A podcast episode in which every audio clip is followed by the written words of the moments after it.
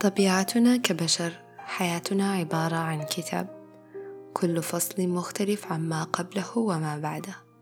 لكل فصل معلوماته الخاصة ومزاجه الخاص والأهم قابليته الخاصة.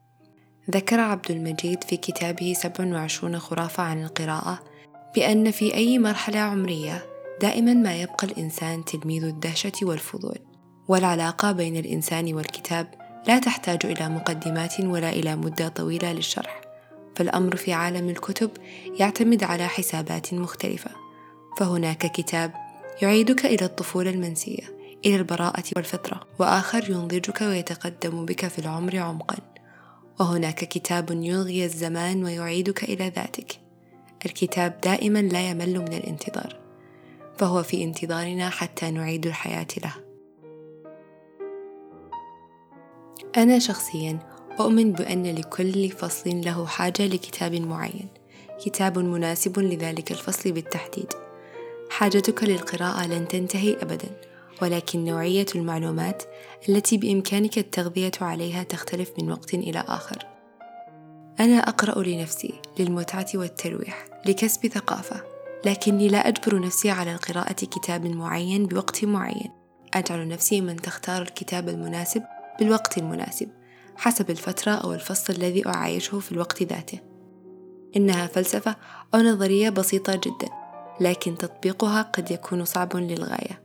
لأنك ببساطة لن تقع على الكتاب المناسب بين ليلة وضحاها ولكن عندما تقع على الكتاب المناسب حينها وحينها فقط تكمن لذة المتعة والمعرفة والدخول إلى عالمك الخاص بالقراءة. لا يمكن لأحد نكران أهمية القراءة أو مدى فائدتها العظيمة على القارئ. كل كلمة تضع فيك شيء. وتصنع منك شيء جديد. من لم يقع في حب القراءة هو فقط لم يقع على الكتاب المناسب بعد. إذا وجدت نفسك لا تستمتع بقراءة نفس الكتاب مرة بعد مرة فاعلم بأنه لا داعي لأن تقرأه على الإطلاق. قبل أن نتعمق أكثر في موضوع القراءة لابد أن نتفق على نقاط أنها خرافة وليست واقع حقيقي عن القراءة. بعض النقاط التي سأذكرها مقتبسة من كتاب 27 خرافة عن القراءة. الخرافة الأولى أكون أو لا أكون. هي الخرافة الأشد خطرا من وجهة نظري وهي أن لابد أن نقرأ الكتاب كاملا. أنا شخصيا كنت أظن أن لكي يتسنى لي القول بأني قرأت كتابا يجب أن أكمل كل حرف كتب فيه. وهذا كان أكثر سبب ينفرني من القراءة بشكل كامل. من فرض علينا قراءة الكتاب كاملا ونحن بالأصل قد لا نحتاج إلى ذلك. الهدف من القراءة يعتمد عليك كليا. أنت من تحدده وليس ما يفرض عليك. الحياة قصيرة على أن نقضيها مع كتاب سيء. الخرافة الثانية. ليس لدي الوقت الكافي للقراءة. ولكن ماذا لو استيقظنا عشر دقائق مبكرا عن العادة؟ والتهمنا كتبنا قبل أن نلتهم هواتفنا. الفائدة الوحيدة من القراءة هي فقط إحضار المعلومة بل هي العكس تماما. هي إشباع الفضول الشغف والاستكشاف لتحصيل لغوي لتوسيع مدارك والمفاهيم لتغيير نظرتنا لكل شيء حولنا. الخرافة الرابعة الكم أهم من الكيفية والجودة. هذه الخرافة عميقة جدا. لكل قارئ هدف من قراءته. كل الأهداف يمكن تحقيقها بجودة القراءة وليست بالعدد مطلقا. لذا من الأفضل أن نقرأ بالطريقة الأكثر فعالية. ولكل كتاب طريقة مختلفة تناسب كل قارئ. لا يهم ما هي سرعة قراءتك ولا عددها. بقدر امتصاصك لروح الفكرة بكل كتاب.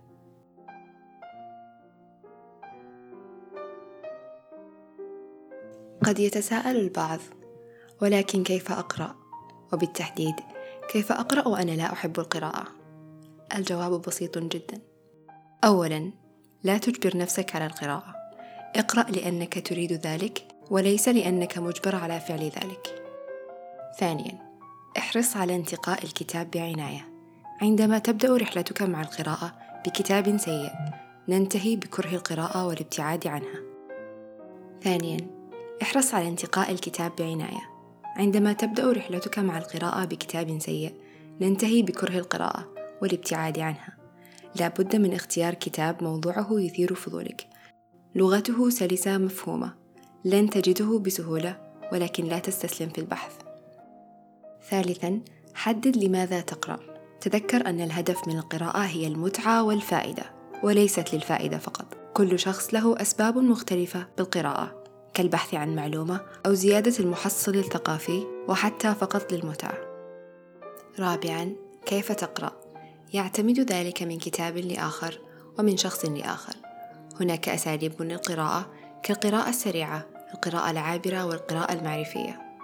كل كتاب يفرض عليك الطريقة المناسبة لقراءته للحصول على أقصى كفاءة. هناك كتب تتطلب منك التمهل والتعمق لكي تعطي عقلك وروحك الوقت الكافي ليشعر بما يقرأ. ومن جهة أخرى هناك كتب لا تتطلب منك جهد بليغ في فهمها. مع كثرة القراءة وغزارة الاطلاع ستجد أن جميل الكلمات تجري على لسانك دون تكلف. ومن واقع تجربتي الشخصية قد أقتني كتاب عن الفيزياء وأنوي قراءته فور أن أجد الوقت المناسب في اليوم ذاته.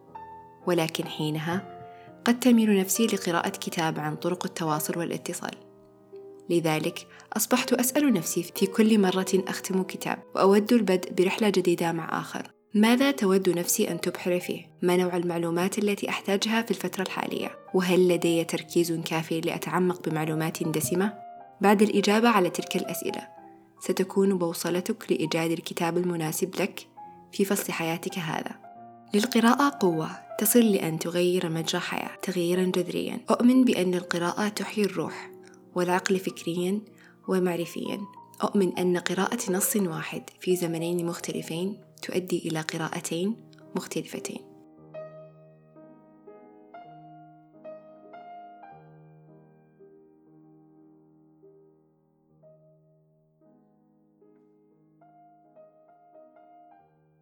نعود لأول كلمة نزل بها الوحي. إنها همسة الغار. إنها الكلمة التي بنيت عليها أعظم حضارات الأرض. إنها الكلمة التي استحقت أن تكون أول كلمات السماء للأرض في أول لقاء بين رسول السماء برسول الأرض. إنها كلمة اقرأ فإن لم نطع أول أمر ولم نطبق أول فرض نزل به القرآن فهل لنهضة هذه الأمة من سبيل؟